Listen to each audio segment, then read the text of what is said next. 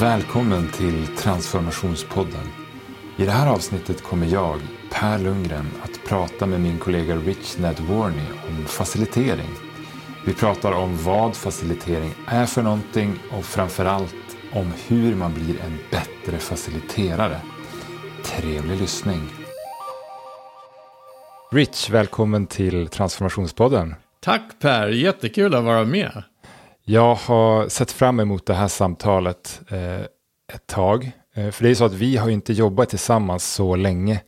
Men eh, vi har ändå hunnit stötas och blötas lite grann eh, runt det ämne vi ska prata om idag, nämligen facilitering.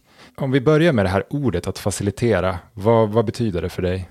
Eller vad betyder det i allmänhet? Om man tittar bara på ordet, facilitering, i grunden betyder det att göra någonting enklare, eller göra någonting möjligt. Facilitera kommer från faci, facil, lätt. Och den tycker jag är rätt så intressant.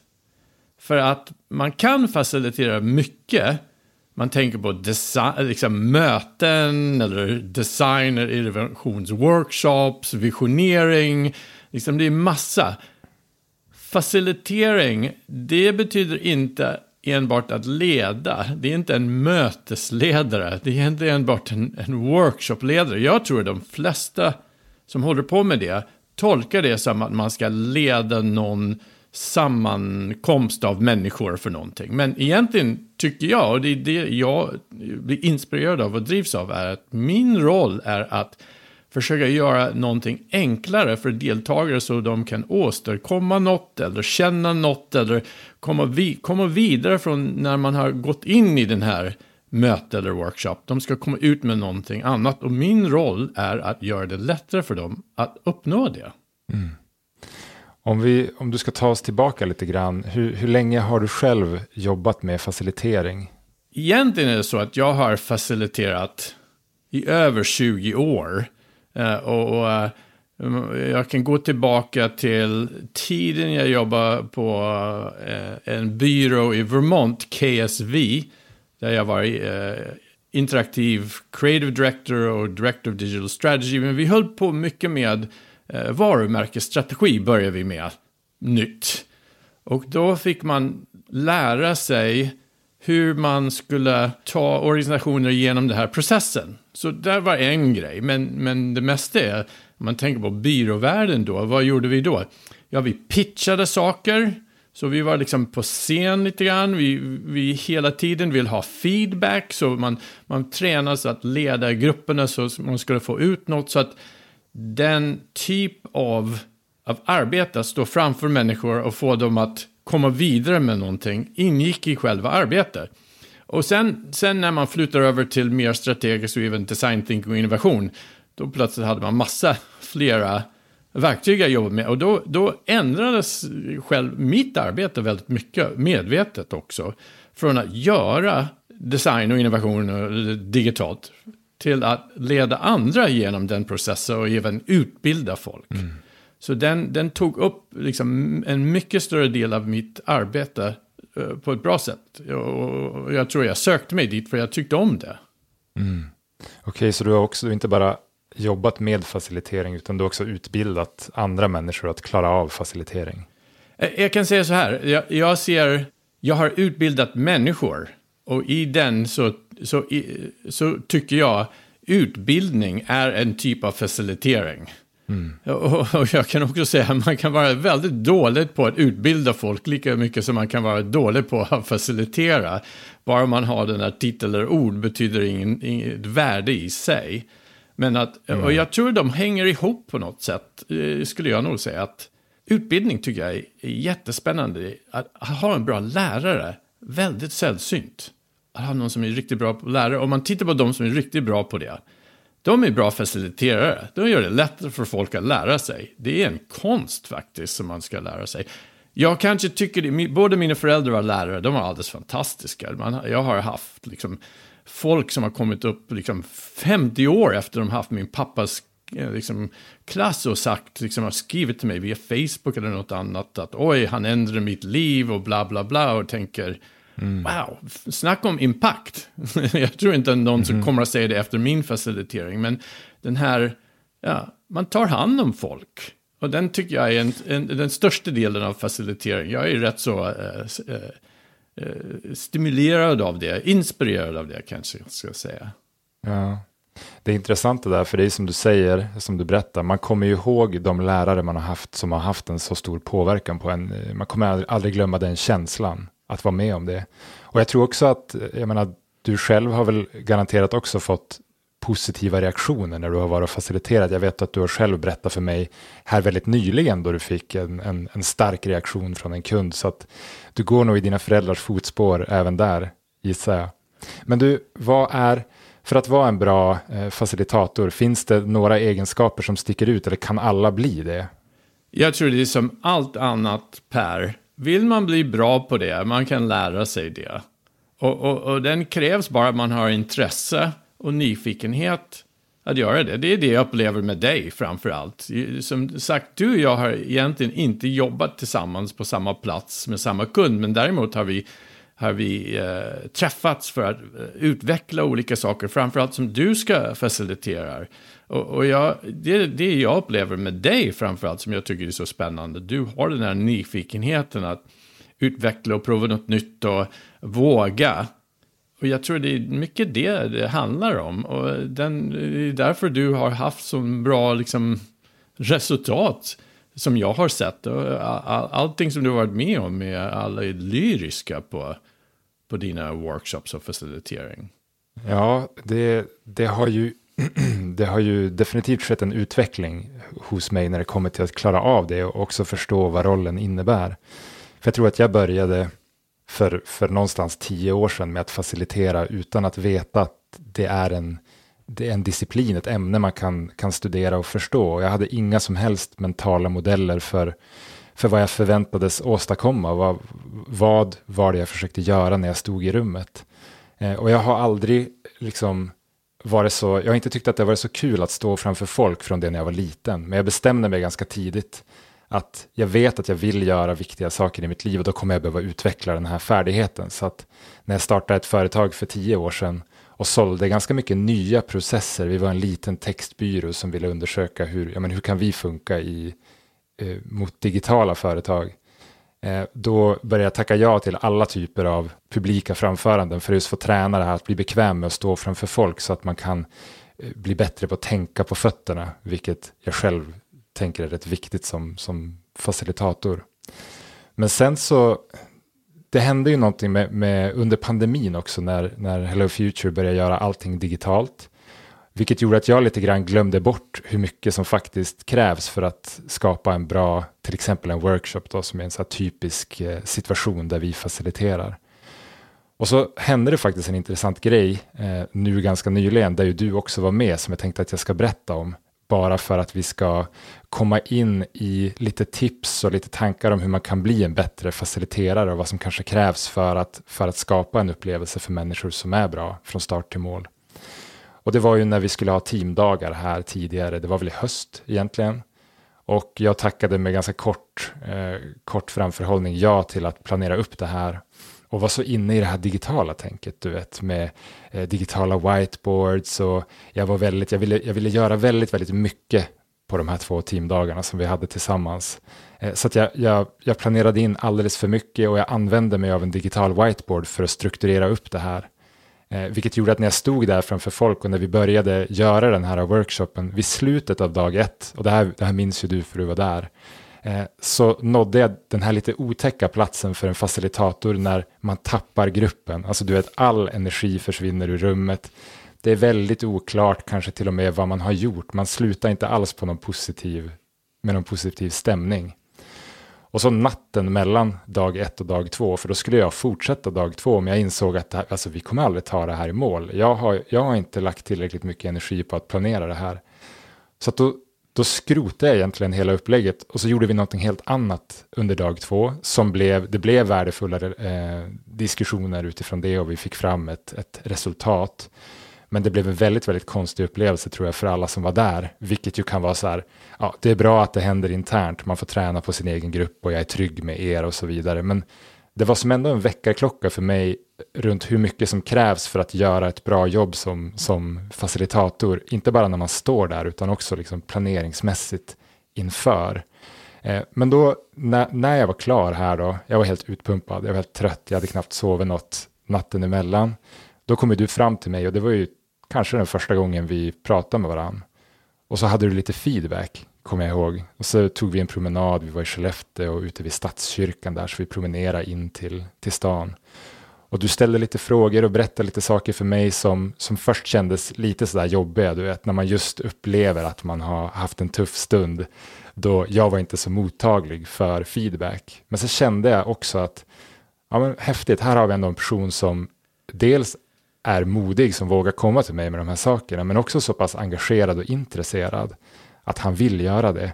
Så vi började prata och jag kände att så här, men okej, här Rich ska jag teama upp med när jag planerar workshops framöver, för att han har, det finns någon sorts struktur i hur du tänker dig en workshop och det här flödet du, som du ska få prata mer om, eh, hur man tar med människor på en upplevelse. Men för mig var det en liten välbehövlig väckarklocka nu för att, bli, eh, för att intressera mig ännu mer för den här konsten. Jag ska inte kalla det konst kanske, men disciplinen i alla fall som är eh, facilitering. Så att du gav mig lite tips och tankar där. Eh, så det vore intressant om du vill eh, dela dem. Du har ju lite olika saker du brukar hjälpa mig att, att få till inför en facilitering. Ja, tack för Den är jätteintressant. Den var min andra dag på jobbet. faktiskt. Mm. Och den enda gången jag träffade alla. Så att andra dagen så var jag uppe i Skellefteå med er alla. Och vi skulle ha två dagars workshop. Och, eh, och, och första dagen var det precis som du sa. Att det var väldigt mycket vilja som inte, det, det, var inte bara, det var inte bara dig, så jag ville bara att du ska förstå, det är inte bara dig som... Det var lite av en konstig dag, kommer jag ihåg. Och uh, jag kommer ihåg min fru, hon textade mig på kvällen när vi var på hotellet och sa, hur, hur gick det? Hur gick det? Och jag kommer ihåg, jag, så, jag textade henne, jag sa, uh, jag, jag pratar med dig imorgon. jag vet inte om jag mm. vill egentligen prata med dig efter idag. Idag var lite, det var lite, ja, den gick inte riktigt så bra som du kände. Och det var så, eh, efter, det var precis efter det när vi började gå tillbaka mellan dag ett och dag två. Det var då jag, jag hoppade på dig direkt innan, eh, innan du hann iväg. Och, och det var mest Per för att det var, det var två saker eh, som, som jag tyckte var så intressant. Så ena, å, e, å ena sidan, du hade så mycket bra energi in i själva facilitering också, det fanns saker som du märkte själv att man, man kanske skulle ha gjort lite bättre, kanske varit lite mer förberedd. Och, och det är det som tycker jag är kanske det mest intressant för, för, för oss alla, är att vi som faciliterare, vi får inte alltid den feedback vi skulle behöva för att bli bättre. Nej.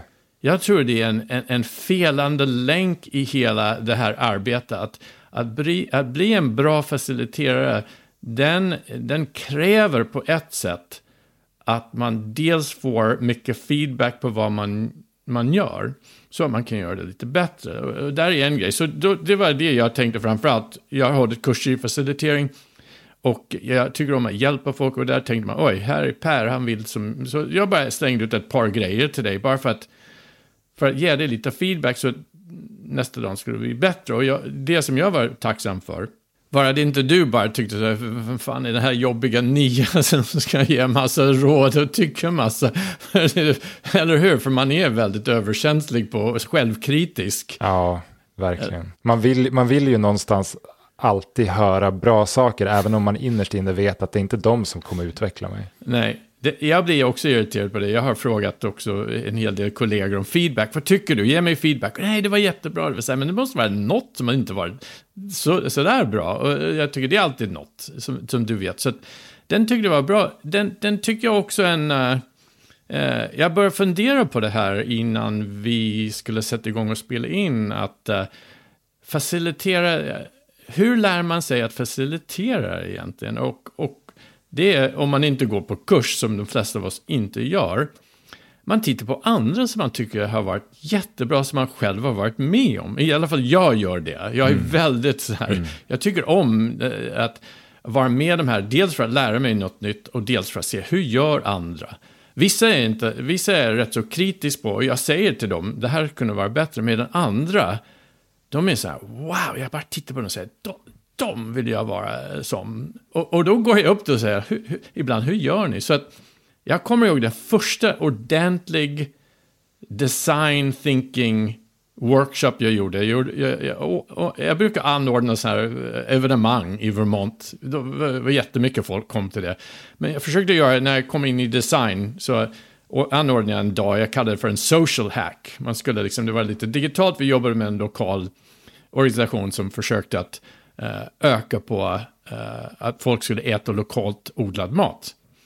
Och då, då som sagt, jag, jag lurade 75 människor att betala en liten peng för en hel dags work, design workshop. Vi delade upp dem i sex eller tio grupper och alla grupper hade varsin liten faciliterare.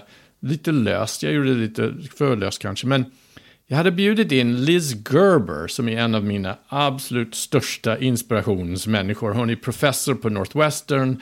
Hon startade Design for America som finns i USA. Hon var med och hjälpte till att bygga upp eh, The D-School. Medan alla andra faciliterare Per håller på med sina små grupper så tittar jag bort mot Liz och Liz står på en, en stol och alla andra sitter runt ett bord. Hon viftar med armen och de står upp och gör massa konstiga saker och jag var så här vad håller du på Efteråt så här, vad gjorde du? Det där har jag aldrig sett förut. Och då sa hon att hon brukade gå på improvisationskurser. Dels för att hjälpa henne att bli bättre designer, men också för att hjälpa henne att facilitera. Och hon hade gått på Second City bland annat, som är jättevärldskänd och där många av eh, Saturday Night Live-komiker kommer ifrån. Och hon, hon menar att det var en bra träning mm för att bli en bra faciliterare. Jag skulle säga att det är en bra träning att vara innovatör. Och, och den var så här, åh, kul, där, där, så jag ska göra det. Det var, det var en grej. Och, och nästa år så kom en annan, en ny människa till eh, Burlington, Eugene Kursunski. Han kom också från D-School. Liz hade eh, liksom mm, skrivit till mig och sa, här kommer någon ny. Och jag började göra uh, design thinking workshops med honom. Och för jag tänkte att det, det är bra vi två och han, han är ung och, och det var också så Per, de, de var bra, det var en dags workshops, det var liksom min första utbildning i design thinking jag gjorde. Och han var alldeles, han hade sån enorm energi. Och han var jätterolig och superduktig. Man märkte bara att alla deltagare, man, man bara drogs till honom. Mm. Och, eh, och där tänkte jag också, gud, jag lärde mig otroligt mycket av att facilitera med honom. Och jag ska också tillägga att han är nu eh, professor på Dartmouth College där min dotter går. Och hon skulle, hon skulle plugga, jag vet, hon vill bli liksom hjärnkirurg eller något som tjänar massa pengar. Jag sa, du får göra vad du vill, men du måste ta Eugenes kurs i design thinking, för han är en fantastisk lärare. Och såklart, hon och alla sina kompisar, de blev helt besatta av honom och alla eh, ändrade sig för att vara design thinking, liksom plugga design thinking. Och det är så här, wow, det, det var inte bara jag. Så, så också det här att man ger feedback, men också man, man har några så här Eh, folk som man vill eh, efterapa på något sätt. Man får lära sig mm. av dem. Och den har, den har inspirerat mig rätt så mycket. Intressant. Om man ska, för en annan person som du har eh, visat för mig är ju, är ju, Daniel Stillman. Som också håller kurser i facilitering och han har en del intressant innehåll. Han har skrivit en bok bland annat. Eh, som, kommer du ihåg vad den heter? Designing good conversations, tror jag det är. Någonting sånt. Toppen. Han, har ju, han bryter ju ner facilitering i lite olika delar för att det ska bli lättare att se på det och tänka på det och prata om det. Och det var någonting som hjälpte mig i alla fall att förstå att det finns lite olika faser i det här med facilitering och hur viktigt det till exempel är att om jag ska bjuda in dig och mina kollegor till en, eh, till en workshop, eh, att också lägga energi och fokus på själva inbjudan till det här och sätta rätt förväntningar, att folk vet vad som förväntas av dem och hela den här biten. Så det är inte bara det som händer på plats i rummet eh, som kan vara lite lätt att, att, att haka upp sig på helt enkelt. Men du har ju sagt till mig att du brukar ge nio tips när du pratar om facilitering. Vill du dundra igenom den listan eller hur ska vi ta oss an den? För den är man ju nyfiken på. Jo, det, det kan jag göra och den, uh, jag satte ihop de här uh, våren 2020. Så att det, eh, pandemin slår till och jag har ett uppdrag med Open Lab i Stockholm för att leda en design thinking-kurs. Och såklart den blir totalt inställd för att ingen, ingen är på plats. Men eh, jag, vill, jag vill hålla i de här kurserna så att jag säger till dem att eh, vi, vi ställer om snabbt. Vi, vi, låt mig sätta ihop en kurs i digital facilitering. Och då kan vi erbjuda det. Och, och mest var det så att eh, det gav mig en ursäkt Per att göra faciliteringskurs. För egentligen tycker jag, och det är det som var kontentan och kanske frustration hos många som gick det här, att uh, digital facilitering är bara vanlig facilitering med mycket mera begränsningar och mycket mera spetsningar skulle jag nog säga. Och eh, det var en alldeles för stor fokus att folk vill gräva sig in i det tekniska utan att fokusera på den faciliterande, den mellanmänskliga som måste hända. Så att det var det jag försökte kombinera dem. Och det som jag märkte var att folk vill bara prata om det tekniska istället för vad jag tyckte de borde fokusera på. Och det var de här nio punkterna. Så folk var egentligen intresserade av vilken digital whiteboard ska man ha och den typen av roliga saker man kan hålla på med. Ja, just det. Det var så här, här har du Miro, här har du Mural. De är båda likvärdiga. Gå in och lek med dem, testa dem. Liksom, så att de var med, men, men det var också så här att folk var lite rädda för dem. Och, eh, och det, det jag, jag ska erkänna att jag, var lite, jag blir lite frustrerad på det där, ska jag helt enkelt säga. Vi pratar om så digital natives och non-digital natives. Jag tycker vi är förbi mm. den. Va? Vi, vi har mm. haft datorer i 40 år nu. Vi har haft mobilt, liksom de här I, uh, iPhones liksom i, i 14-15 år. Det, det, finns ingen ursäkt att man inte klarar av något digitalt längre, förutom att man är lite lat kanske. Kanske folk blir arga när jag säger ja. det, men vad, vad, är det för ursäkt? Det är bara, man, man håller på, hela livet är digitalt. Man kan gå in, vad är det värsta som kan hända man gör något fel? Jag tror att det är också en skillnad mellan att klara av det och att ha självförtroende in i det. För det upplever ah. jag lite grann att, att jag själv som har vuxit upp, eh, jag, jag satt ju vid datorn så tidigt som jag kan minnas och hade samtal och spelade spel och koordinerade saker. Så att för mig när det blev, när allting blev digitalt under några år så upplevde jag att jag plötsligt kunde känna mig otroligt mycket mer självsäker jämfört med vad jag kanske hade varit i vissa typer av rum innan. Mm. Eh, så det blev en, eh, en liten boost på det sättet i alla fall. Men sen som du säger, nu för tiden, är, jag stöter aldrig på någon som inte rent tekniskt klarar av att göra det som vi behöver göra under ett digitalt Nej. möte. Så det är inte en faktor längre. Det, det ligger en rädsla i det. Så istället för att prata, liksom jag, pratar väldigt, jag pratar en del om de digitala verktygen, men mest pratar jag om de här sakerna. Det var nio saker för att, göra, mm. liksom, för att vara en bra faciliterare. Och den, den funkar lika väl fysiskt som digitalt. Och de är så här, så jag går, jag går igenom dem snabbt. Ettan, förbered er extra mycket. Jag, jag kan nog inte säga det för mycket. Förberedelser, förberedelser, förberedelser. Om man är förberedd så går allting mycket lättare. När man upplever en halv, en, en workshop eller facilitation som är inte tillräckligt bra är det mest på att den faciliterare eller de faciliterarna har inte förberett er för, sig för mycket. De har inte tagit den tiden. Och det är den här, att göra det enklare, det är svårt att göra det enkelt. Det kräver tid. Ja det kräver tid. Och att förstå hur, det är lätt i ens huvud att planera ut ett upplägg till exempel. Men att förstå hur det här är för en grupp människor som aldrig har stött på det här tidigare att gå igenom. Och det är väldigt mycket ja. där runt också, tänker jag. Vilken tid är det här på dagen? Vad har den här gruppen gjort innan? Känner de varandra? Känner de oss? Är processen ny eller obekant? Så det, ja, jag kan bara hålla med om din första punkt. Okej, okay, bra. För den andra kommer in i det som du säger nu. Ett andra är man måste vara extra tydlig. Jag märker mm. att de, där man eh, brister i facilitation är när man själv inte varit tillräckligt tydlig mot andra som man borde ha varit. Och det, det ser man eh, ibland att man säger något, det känns självklart och de flesta förstår inte det. Så man säger det, och det är också så att ibland måste man säga nya saker ett par gånger. Men också det här att testa tydligheten. Oh, jag tycker tydligheten är också svårt. Allt det här är svårt när man ska göra det väl. Men att vara tydligt, särskilt när det är något nytt. Man underskattar att, svårigheten där. Om du, om du planerar en workshop menar du då att du, du innan du genomför den så, te, så testar du av den mot människor som inte har samma inblick som du själv? Det, det är alltid bra tycker jag, och som du har gjort med mig, att uh, mm man, man, går igenom en man går igenom en workshop-facilitation. Här har jag tänkt mig.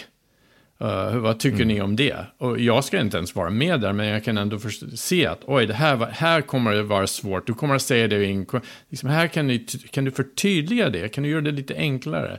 Och den, den typen av feedback tycker jag ibland man har så bråttom och inte lägger tid. Men det där, det, annars är det så, om man inte är tydlig, man kommer inte nästa, om man inte är tydlig, det kommer att ta längre tid och ni inte, vi kommer inte att få de resultat vi vill. Så tydligheten är, är otroligt ja. viktigt.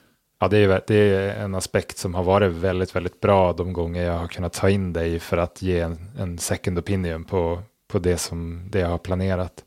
Just det här också att så här, förenkla, förenkla, förenkla. Går det att göra ännu enklare? Det måste ja. vara ännu enklare. Ibland tänker jag, men nu, det är ju absurt. Men sen när jag väl står där i rummet så är jag så tacksam över att jag har gjort det enkelt. Så att vi kan ja, så att man kan fokusera på det man vill, alltså det vill säga svara på frågor eller undersöka möjligheter eller vad det nu är man gör, att man inte fastnar i struktur eller krångliga frågeställningar, formuleringar, det kan vara vad som helst. Hej, Johan Lager här som bryter in lite kort i det här poddavsnittet. Jag sitter med min kollega Per Lundgren som jobbar med vårt nyhetsbrev, transformationsbrevet. Jag ska tänka Per att du skulle få berätta lite grann. Vad är transformationsbrevet? Ja men tack Johan, det kan jag göra. Transformationsbrevet är vår möjlighet att fördjupa innehållet från podden i ett nyhetsbrev. Så det är någonting som kommer varannan vecka i den som prenumereras inbox. Och där har vi alltså chansen att titta på de ämnen som har varit populära till exempel då i podden och göra det djupare helt enkelt. Okej, så om man nu signar upp sig på det här nyhetsbrevet så kommer det varannan vecka. Och eh, vad kan man förvänta sig när man klickar upp det här brevet? Ja, eh, dels så kommer vi ju att utveckla det här över tid. I sann liksom, utforskande anda så kommer jag inte lova fast oss i någonting. Men tanken mm. är ju att den som är intresserad av innovation ska få innovationskunskap. Det är ju det att bygga upp sin verktygslåda helt enkelt. Yes. Eh, så att det man kan förvänta sig är ju dels snabba enkla tips. Det kan vara en länk till en artikel eller en bok som vi tycker är hjälpsam som alla borde läsa.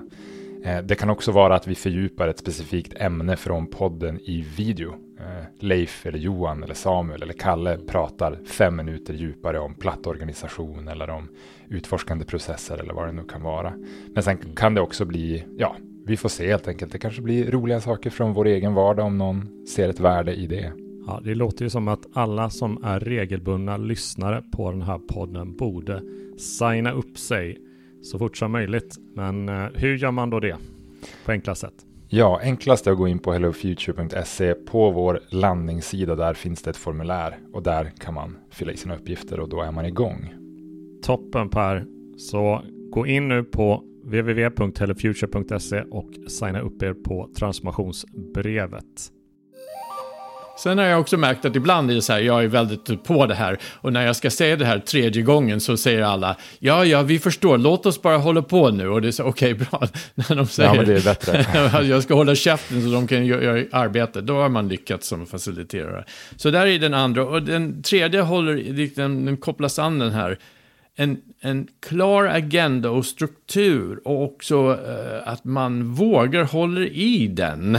Mm. är, tycker jag, också det som jag ser som inte funkar. Och det, man kan tänka också så här. Kreativitet behöver begränsningar. Och begränsningar är ibland tid. Vi kommer alltid att träffa folk som säger ah, vi vill ha mer tid att göra det här. Och det är så här, visst, det är helt klart. Men i den här workshop så har vi den här mycket tid att åstadkomma det. Och då försöker vi göra det bästa vi kan. Jag som sagt har också sett workshops där man, när man inte håller i de här, eller någon annan har inte hållit i, så går liksom, man, man går igenom halva den workshop, man hinner inte riktigt, då, eller blir stressad, eller någonting blir eh, liksom kvar. Och jag tycker också det är också en konst, att ha den här, vara lite tidspolis, för att, för att processen behöver struktur. Ja, Och sen, sen kan man laborera med den om man vill. Det är det som man, man säger, det, den som har tur har det för att man är förberedd. Och jag tycker det är det här, man behöver inte vara liksom, så otroligt liksom, rabiat. Men när man har en struktur och håller i det, man märker att här kan man ta lite mer tid, här kan man ta lite mindre tid och den, den flyter ihop på något annat sätt ja. Jag, tycker att det är lite dubbelt där just när det kommer till agenda. För att jag, jag gillar ju också att ha en tydlig agenda och att dela den med deltagarna, gärna innan, så att de är väldigt, väldigt införstådda med vad som kommer hända och kan känna sig lugna med att om det är lite jobbigt nu så kommer det en kaffe där eller det kommer en annan typ av uppgift snart som blir någonting annat. Men sen kan jag också ibland känna att om jag verkligen är trygg med vad jag vill ha ut av workshopen så tycker jag att det kan vara skönt att kunna frångå agendan om jag märker att den här gruppen av någon anledning så verkar de dra åt det här hållet och det verkar ge ett ännu bättre resultat utifrån vad vi vill åstadkomma. Eh, å andra sidan är det precis då man ofta kör i diket lite grann och tappar bort sig själv. Så att det, fin ja, men det finns någon sorts balans där, det är väl det jag vill komma till. Jo, och den är också så att den, den här tiden har ingenting med innehållet att göra. Så vill folk göra, ta den tiden och göra någonting annat, det är bara att köra med det. Bara, man- bara, bara man kommer till sluthållplatsen eh, i slutet. För, för den andra, då, i, då, i, de, i den grejen, med tiden är också viktigt med tips 4 och 5 och det är det här. Man måste ha lite icebreakers, man måste ha lite energigrejer, man måste blanda själva arbetet eller vad man ska hålla på med med saker som, som är lite roligare, som bygger liksom eh, förhållande mellan folk som för det är också den här, vi, pra, vi kommer att prata om flow, och flowen är så här, man måste få upp energi och sen använder man energi och sen får man upp energi och, och man kan inte bara tömma ut med energi hela tiden. Så icebreakers och lite roliga övningar tycker jag, de, de hjälper till med, med arbete. Detsamma gäller att man måste bygga in, och det här har med tiden, man måste bygga in pauser hela tiden. Man orkar inte. Jag, jag brukar som en tumregel säga, för varje timme ska man ha en 10 minuters rast.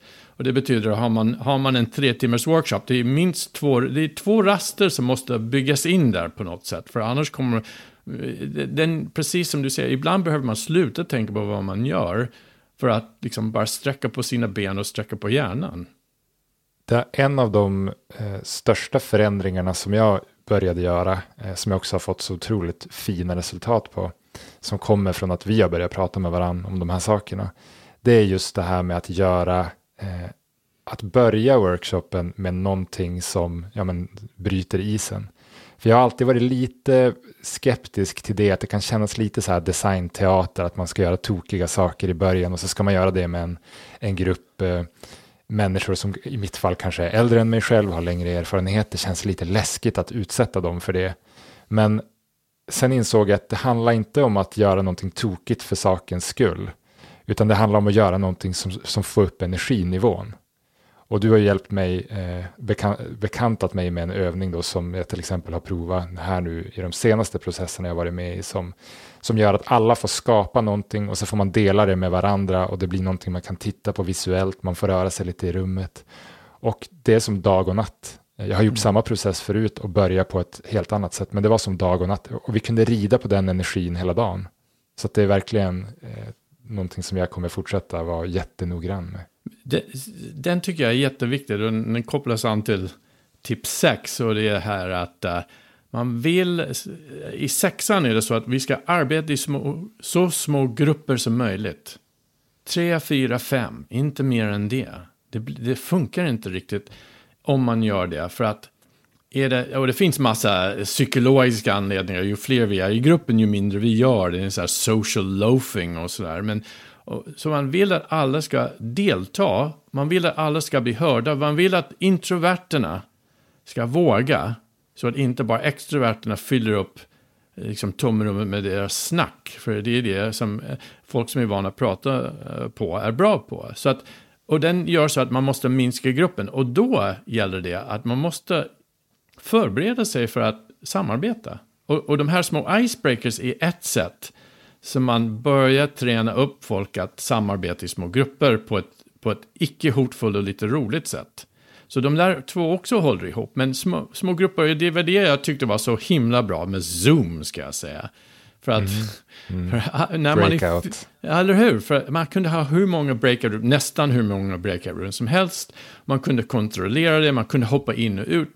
Tänk, det finns ingen fysisk plats där, där jag har varit med om, där man har haft så många olika rum. Också det var, man, man slösar inte tid att folk skulle knalla ner för, för hallen och gå in i något Mm, rum och ta exakt. någon kaffe och då försvann tio minuter där. Så att Ja, man tappar alltid bort deltagare när det är på det sättet. man gör alltid det. Och det Vissa det, har man inte sett än idag.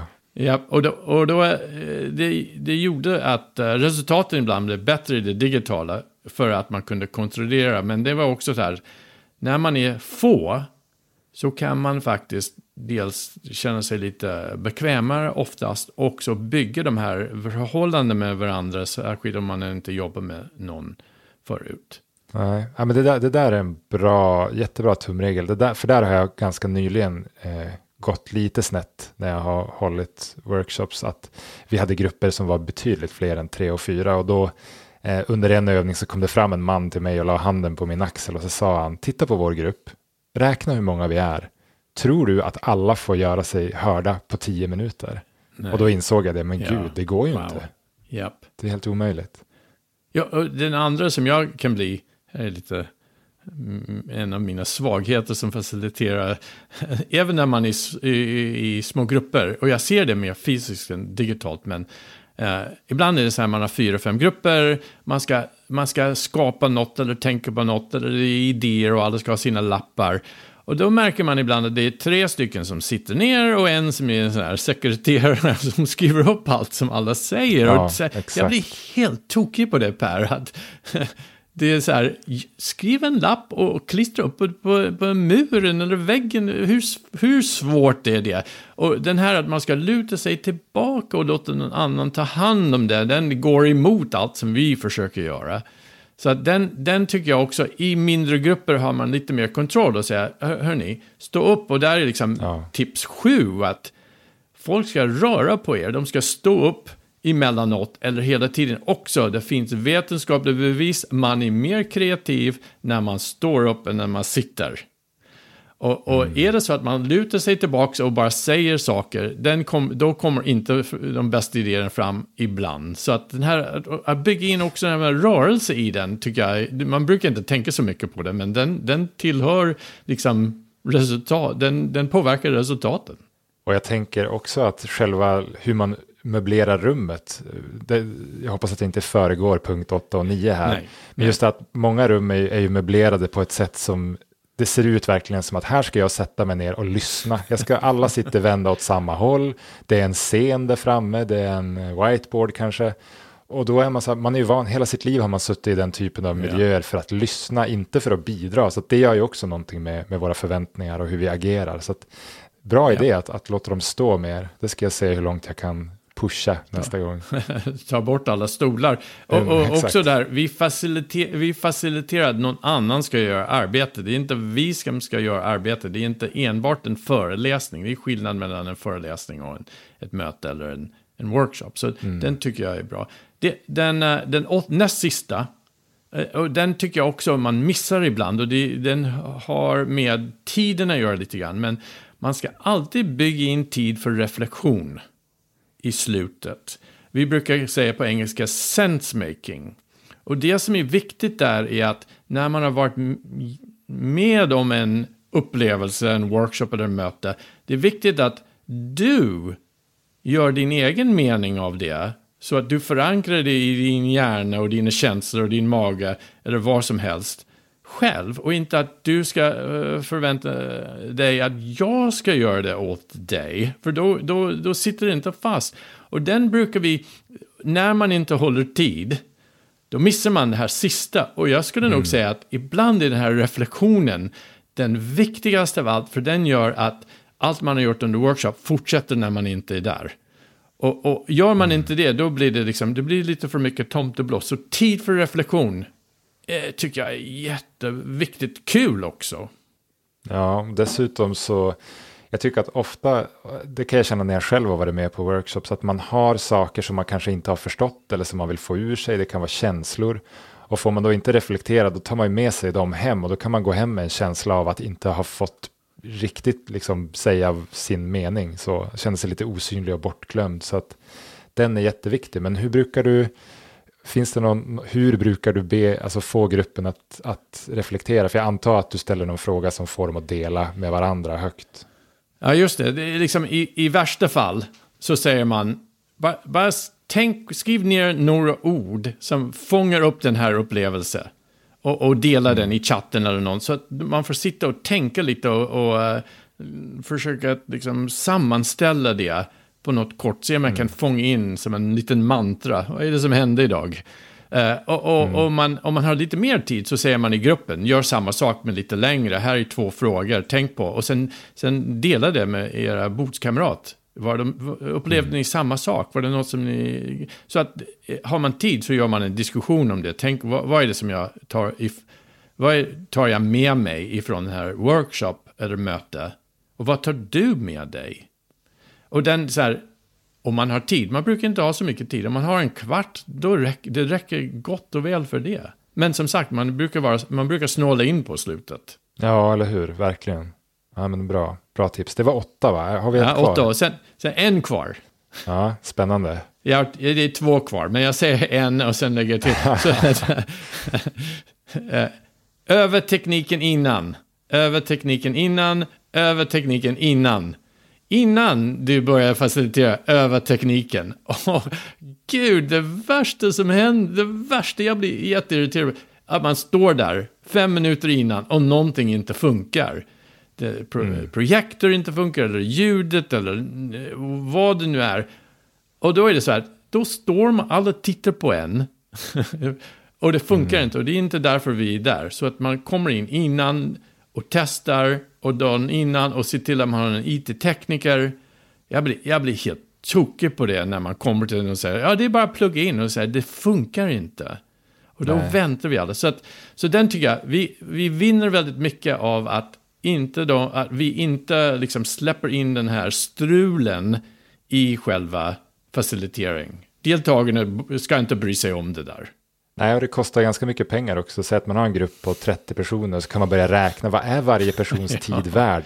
Och så ja. gånger 30 och så slösar man bort en halvtimme. Så det är ganska mycket pengar som försvinner. Ja, just det. Men, det är bra. Väldigt bra lista. Jag har en fråga Eh, Vänta, jag, jag har en till innan. innan har, just det, du hade din en till. och halv. Och, och, det är det här. Mm. Öva, öva, öva, öva innan. Det har med det första att förbereda mycket i första och över tekniken. Öva. Mm. Det är den här kända skämtet eh, från 30-tals USA. Liksom, how do you get to Carnegie Hall? Practice, practice, practice. Och det är det här. Vi, vi, vi ska öva, bara om vi själva. Det brukar vi inte göra ofta. Vi, vi förbereder våra slides och sen övar vi på dem.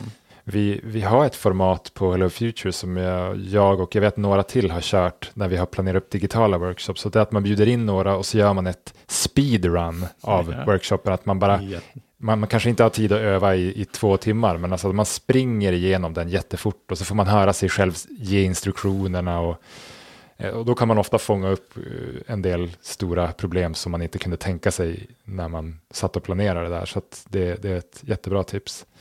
Ja, det är bra, det är bra att, eh, att, vi har det, verkligen.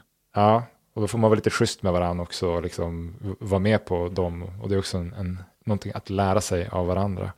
Men du, jag tänkte på det här med eh, ansvar också som facilitator. För att jag vet att förut, för många år sedan när jag började facilitera, så hade jag som en tanke om att det var, jag, det var mitt ansvar att skapa resultatet också. Att jag måste vara smart i rummet, att jag måste kanske komma på de bästa idéerna.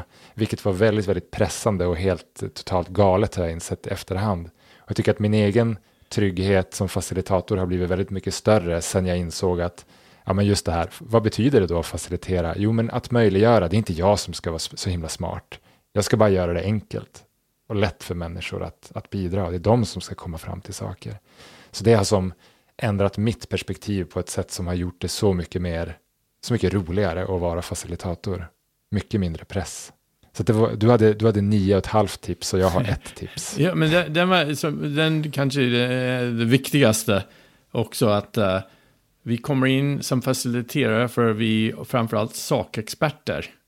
Och nu ska vi facilitera andra som inte är sakexperter. Och det är väldigt lätt för oss att, då, att kliva in i deras arbete. Och, och det som man får lära sig som facilitator är, det är inte vi som ska göra arbetet. Vi kan gärna ge lite feedback och råd, men vi ska inte göra arbetet. Och den tycker jag, man, den är någonting man måste lära sig, för den kommer inte naturligt i, vår, i, vår, eh, liksom, i vårt yrke. Där, där är också en sak som Daniel Stillman eh, skriver om. Och för de som, uh, vi kan sätta en länk på uh, poddsidan med danielstillman.com. Han bloggar väldigt mm. mycket om det här, otroligt bra. Och, och, det är det han säger bland annat, att det är inte den, vår roll är inte att lösa problemet, vår roll är att underlätta. Mm. Och jag, jag, har också märkt att du har tagit din intresse för hans uh, faciliteringshattar. Som han har skrivit om. Ja, Eh, precis, han har ju, jag får en hatt varje dag i min mailkorg. Han har 46 stycken och det har blivit lite, lite information overload just nu. Men någon dag så hoppas jag sortera lite runt om där. Men det är ett bra sätt att, att tänka tycker jag, att som facilitator, man har lite olika verktyg eh, i form av, han uttrycker det i form av hattar. Det där med hattarna tycker jag är också intressant för att det som jag har använt det till är att tänka på när man skapar en workshop eller möte där man ska facilitera, då är det så att man måste ha olika hattar på sig under hela dagen. Ja. Så man, inte, man tänker inte riktigt på det. Så att, och det, som, det är en av eh, Daniels briljans i att han har liksom eh, kokat ner det till olika roller man spelar. Och, och då kan man säga, liksom, ibland ska man vara programledare och innehållsmästare. Eh, ibland kan man, ska man vara festvärd eller domare. Ja. Ibland ska man vara hejarklackare. Eh, ibland ska man vara lyssnare. Ibland ska man vara ma magiker. Och den tycker jag, eh, en, en, grej som jag har gjort i mina kurser är att jag, alla ska planera en workshop och sen ska de Eh, sätta ut vilken hatt de ska ha på sig under, den här, under de mm. olika tiderna. Och då faktiskt är det eh, viktigt ibland att ibland är man inte så bekväm med alla hattar. Och då kan man ha någon annan som är med som är bra på det som man inte är så bra på. Som också gör så att det blir lättare för, eh, för faciliterare att, att dela på arbete på ett, ett konsekvent sätt där alla vet vad de egentligen ska hålla på med. Den tycker jag är suveränt bra. Ja, den är fantastisk. Och just det här också att jag menar, de hattar som du kommer kunna bära på ett bra sätt, det är ju en helt annan uppsättning hattar än förmodligen vad jag kommer kunna bära på ett bra sätt.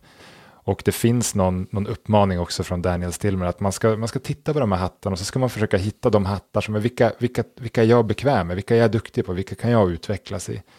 Och inte försöka kanske bli bäst på att ha alla 46 på sig, för det är ingen människa som har styrkor som klarar av det. Så att vi är ju väldigt olika också i vår roll som facilitator och eh, jag har kanske inspirerats tidigare av Ja, men du är amerikan och där finns det många som är duktiga på scen, alltså mm. scenpersonligheter, duktiga i ett rum. Man är väldigt karismatisk, man har en stor personlighet. Medan jag själv har aldrig liksom relaterat så mycket till det, men kanske trott att jag måste, jag måste koppla på den karisman och den liksom kraften i min personlighet. Men jag har andra saker. Jag har en empati som jag kan använda i rummet till exempel. Och jag har en frågvishet som jag kan använda så att jag får bygga utifrån mina styrkor. Och då blir det också så mycket enklare och roligare att vara facilitator. Så att de här hattarna är ett jättebra sätt att upptäcka det och påminna sig själv om just det, den där hatten är ju, har ju jag naturligt på mig. Den är jag bra på, det är en grej. Den kan jag fortsätta utveckla och plocka fram när det behövs. Det tyckte jag också var bra i sista workshop med vår kollega Anna. Hon jobbar också som hon är en så här proffs crosstrainer och också leder massa liksom, crosstraining-kurser. Så, så jag vet, utan att ens ha sett henne, hon är bra på att nu ska man köra. Så när det gällde att man ska ge instruktioner, då insåg jag att hon är mycket bättre på det än vad jag är. Och så, mm. så skapar man en plats för henne och, och självklart, hon, hon, var alldeles fantastisk och folk förstod på en gång.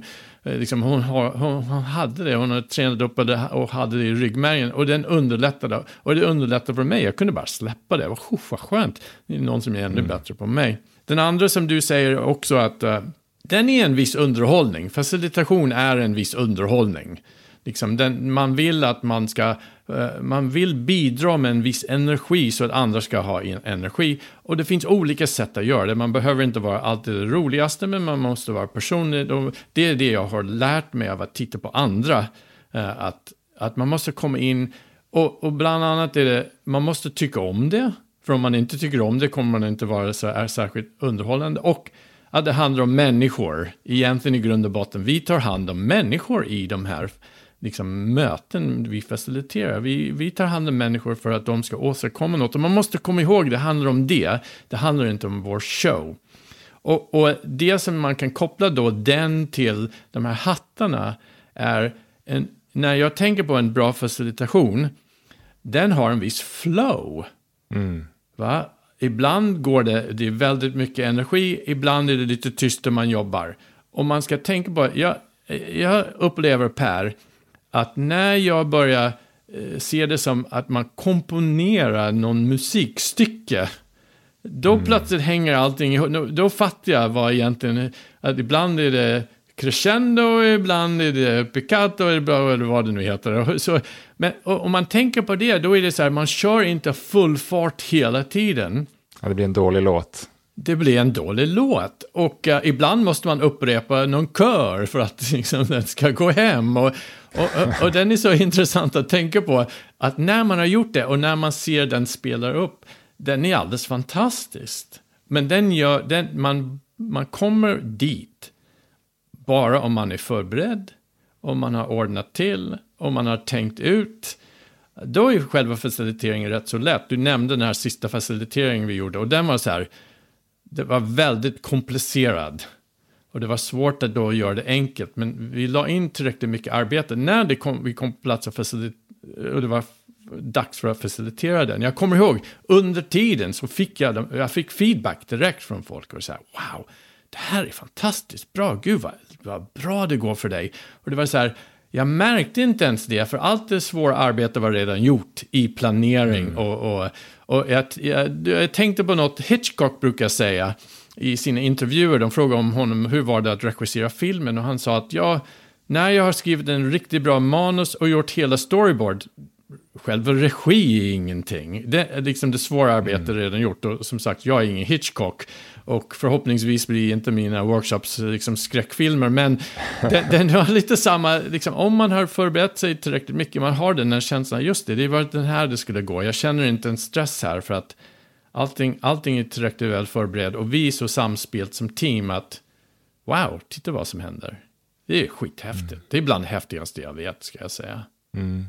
Det är häftigt och det är otroligt häftigt att se hur, hur man kan gå från att uppleva som jag själv har gjort att facilitering är någonting ganska jobbigt och lite av ett nödvändigt ont som jag måste göra för att få jobba med alla de andra roliga sakerna som kommer efter att man har, har genomfört en, en workshop. Att gå från det till ett läge nu där jag, ja, men jag skulle säga att jag, jag jag längtar och jag tycker det är så himla kul att göra det för att jag har fått med mig många av de här tipsen som du har pratat om och det här flowet i upplevelsen. Att nu är det musik och förut var det bara någon sorts monotont malande och jag längtade till att det skulle ta slut.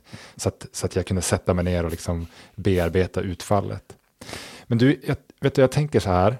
Jag, jag kommer vilja fortsätta prata om facilitering jättemycket med dig.